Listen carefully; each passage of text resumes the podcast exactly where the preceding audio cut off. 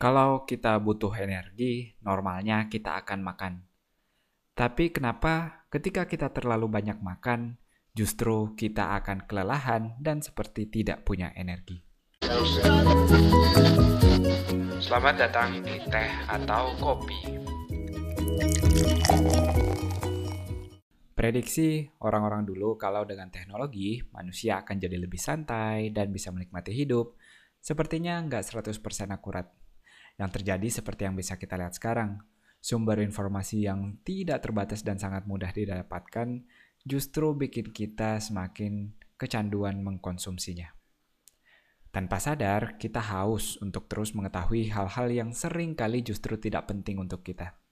Kita takut ketinggalan, khawatir nggak update, misalnya notifikasi WhatsApp, Telegram, atau lain, semuanya menyala siap berlomba dengan sosial media Instagram, Facebook, dan lainnya untuk merebutkan perhatian kita. Kita takut kalau HP-nya dalam mode silent. Atau ingat nggak sih setiap kita keluar, terus ternyata lupa bawa HP-nya, kita rela balik ke rumah hanya buat ngambil HP-nya itu. Kita takut ada satu kabar yang terlewat, nggak mau ketinggalan walaupun cuma beberapa menit aja. Selalu muncul rasa wajib untuk baca A sampai Z atau nonton video semua yang kita subscribe di YouTube, dan masih banyak antrian-antrian lain yang enggak akan ada habisnya seperti tontonan Netflix, deretan library musik yang harus terus kita update. Sampai kita merasa stres, nggak bisa ngikutin semuanya. Kita nggak bisa membedakan mana lagi informasi yang benar dan mana lagi informasi yang salah. Gejala-gejala ini disebut sebagai information fatigue atau kelelahan informasi, kondisi kita yang kelelahan dengan banjir informasi yang ada. Mirip seperti ketika kita terlalu banyak makan.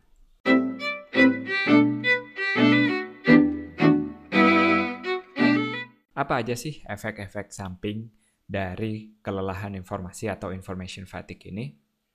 Yang paling jelas yang pertama adalah rasa bersalah. Akan muncul rasa bersalah Kenapa kita nggak sanggup untuk terus menikmati informasi yang ada? Kita seperti sudah terlanjur berinvestasi di suatu perusahaan, karena kita udah ngeluarin duit, mau perusahaannya serugi apa pun, akhirnya kita terus ngeluarin duit tanpa mempertimbangkan apakah worth it untuk terus investasi ke perusahaan ini, atau apakah layak kita terus tanpa berhenti mengkonsumsi informasinya kita akan muncul rasa bersalah, bahkan muncul rasa bodoh, merasa kurang dari yang lain, bikin jadi nggak percaya diri. Ingat nggak sih kalau teman-teman di sekolah ngumpul terus ngomongin misalnya nonton kartun episode semalam, terus kita ternyata nggak nonton, kita berusaha sok tahu sok tahu atau mungkin buat teman-teman yang cowok sering uh, nonton bola, terus karena takut nggak, padahal nggak suka sama bola tapi takut nggak gaul, takut nggak update, akhirnya karena berasa bersalah akhirnya ngelihat Google atau ngelihat live score misalnya cari tahu skornya berapa sih biar paling nggak pas ngobrol nanti nggak ketinggalan siapa yang golin berapa skornya ini adalah salah satu efek dari information fatigue efek berikutnya adalah merasa terburu-buru meskipun terasa lelah rasa endorfin atau rasa semangat yang muncul justru semakin bertambah. Kita harus terus mengkonsumsi berita berikutnya untuk menghilangkan rasa ini. Akhirnya kita jadi terburu-buru untuk ngerjain sesuatu. Semuanya harus cepat selesai agar kita bisa lanjut ke aktivitas berikutnya. Berharap kita bisa nyelesain semuanya. Kita baru selesai baca email, langsung mau ngeliat inbox yang ada di HP lagi, langsung mau ngeliat notifikasi yang ada di Facebook lagi, langsung lihat mention yang ada di Twitter lagi, dan seterusnya dan seterusnya. Rasa ini cuma hilang ketika benar-benar semuanya udah selesai.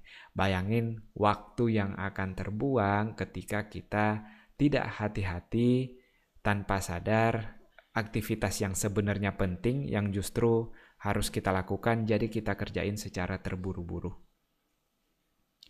Berikutnya menjadi sulit konsentrasi. Untuk konsentrasi pun jadi sulit, kita nggak bisa fokus ngerjain apa yang sebenarnya penting atau apa satu hal yang mau kita kerjakan kita justru jadi mau ngerjain semuanya karena seakan-akan orang lain bisa semuanya, orang lain bisa nguasain semuanya yang kita lihat di sosial media. Akhirnya kita pun mau melakukan hal yang sama. Kita jadi latah ketika orang lain heboh melakukan ini, kita pun mau ngelakuin ini. Kita takut tertinggal dengan teman kita yang sedang bahagia di sosial media sana. Kita mau nguasain semua skill secara bersamaan. Seperti pepatah Rusia, kejar dua kelinci, maka kamu nggak akan mendapatkan keduanya. Berikutnya, kita akhirnya sulit mengambil keputusan. Karena jumlah informasi yang terlalu banyak dan yang pasti nggak semuanya valid, apalagi zaman hoax seperti sekarang, kita nggak tahu lagi nih mana yang sebenarnya berita yang benar-benar benar. Kita jadi bias dalam mengambil keputusan atau jadi sama sekali nggak bisa mengambil keputusannya. Kita takut karena udah pernah ceritanya dibohongin nama suatu berita, kita jadi takut, ah apakah berita ini benar ya, walaupun berita itu terlepas dari kebenaran berita itu sendiri. Kita jadi takut mau keluar rumah jadi takut, mau berteman sama orang jadi takut, karena terlalu banyak informasi salah yang datang sama kita. Dan yang terakhir, kita jadi lupa dengan tujuan sebenarnya. Karena asyik mengejar semua berita yang tidak ada habisnya ini, kita jadi lupa apa sih sebenarnya yang mau kita kerjakan, apa yang sebenarnya menjadi tugas kita hari ini. Larut dengan perlombaan dengan orang lain, dan informasi-informasi yang terus datang ke kita lupa dengan apa yang sebenarnya penting untuk diri kita sendiri. Sepertinya kita perlu diam sejenak dan berpikir, apa sih sebenarnya yang penting dan yang menjadi tugas kita hari ini.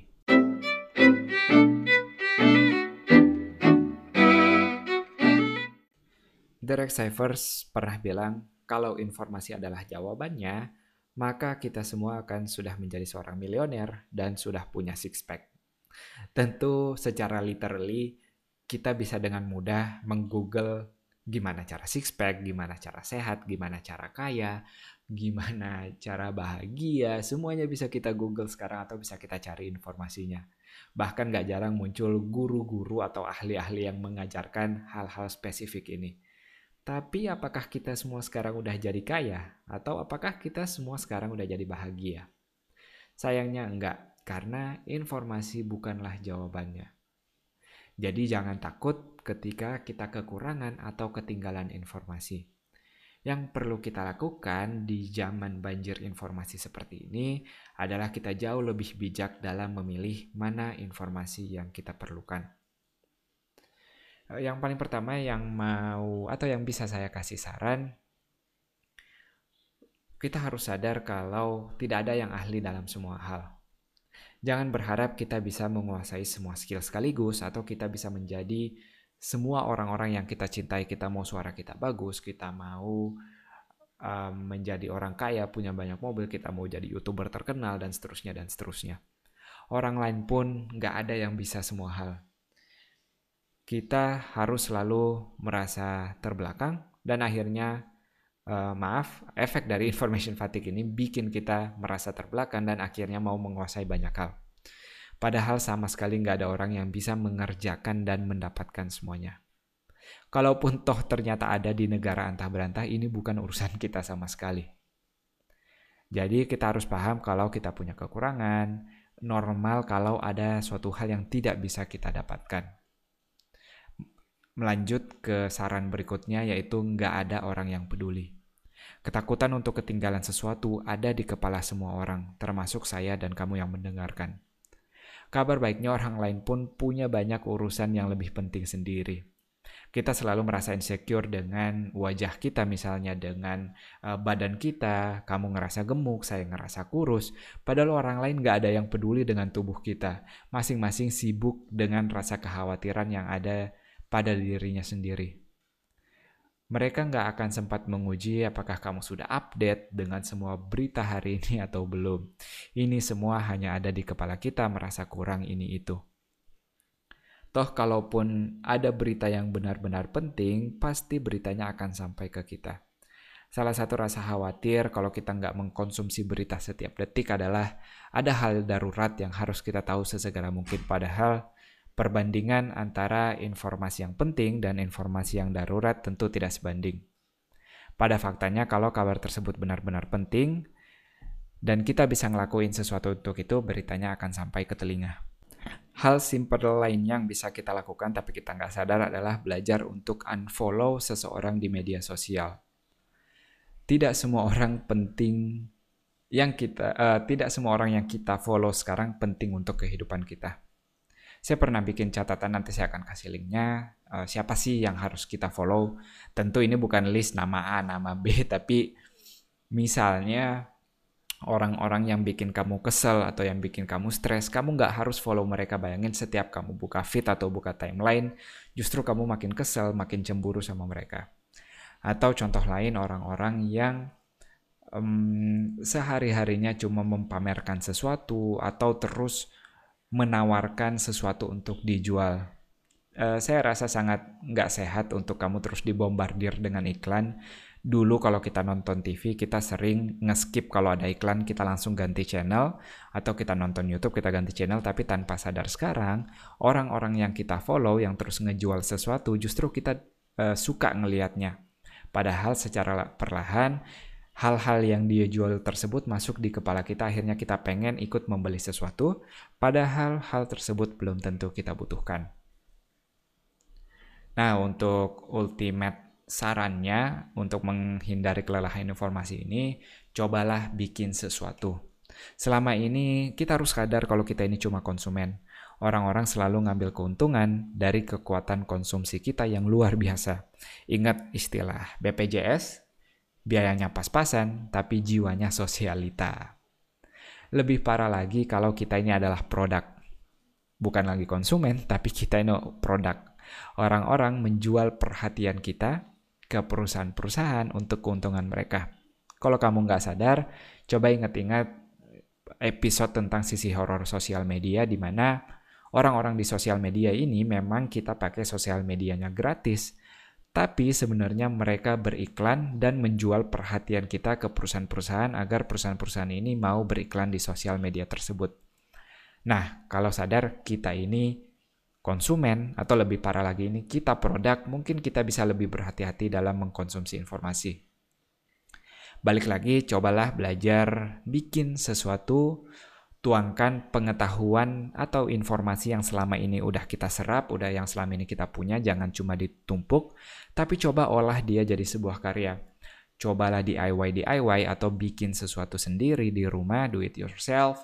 Coba uh, ngeposting, coba bikin tulisan, coba bikin video atau coba bikin audio podcast seperti ini.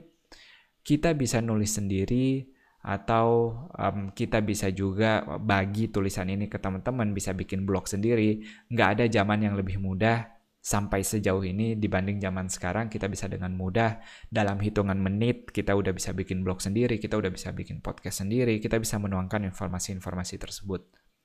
Dibanding kita numpuk semuanya yang entah dia nanti akan hilang atau cuma bikin kita stres lebih bagus kita tuangkan dia ke sebuah karya itu dia, sekarang coba matiin laptop dan handphone kamu, dan coba berpikir tentang apa sebenarnya hal yang penting yang bisa kamu lakukan sekarang.